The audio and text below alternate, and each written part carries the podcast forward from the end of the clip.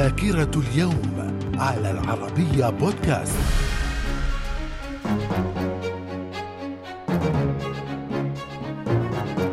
أهلا بكم مستمعينا الكرام. تحمل ذاكرة اليوم العشرين من يوليو من عام 1402 جيش تيمور لانك المغولي ينتصر على جيش بايزيد الأول العثماني عند جبق أباد حيث انتهت المعركة بهزيمة العثمانيين وأسر السلطان بايزيد الأول. من الذاكرة. في العام 1944 نجاة الزعيم النازي أدولف هتلر من محاولة اغتيال قادها الضابط في الجيش كلاوس شتاوفنبرغ. من الذاكرة. في العام 1949 تم التوقيع على اتفاقية هدنة بين إسرائيل وسوريا. من الذاكرة. وفي العام 1951 اغتيال ملك الأردن عبد الله الأول وهو في طريقه إلى صلاة الجمعة في المسجد الأقصى بالقدس. من الذاكرة. في العشرين من يوليو من عام 1961 انضمت الكويت إلى جامعة الدول العربية. من الذاكرة. وفي العام 1969 مركبة الفضاء أبولو 11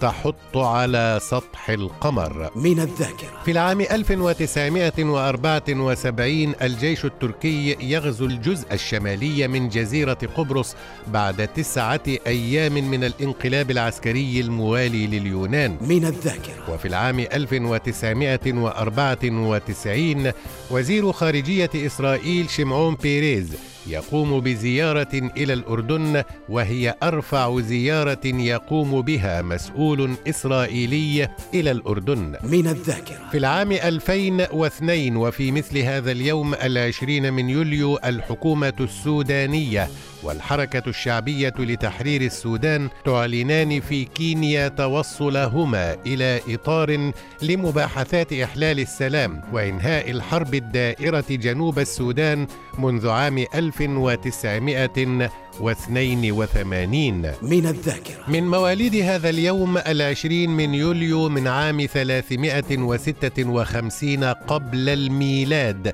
ولد الإسكندر الأكبر حاكم الإمبراطورية المقدونية. من الذاكرة. وفي العام 810 ولد محمد ابن إسماعيل البخاري أحد أشهر علماء الحديث وصاحب صحيح البخاري. من الذاكرة. وفي العام 1911 ولدت الأديبة المصرية سهير القلماوي.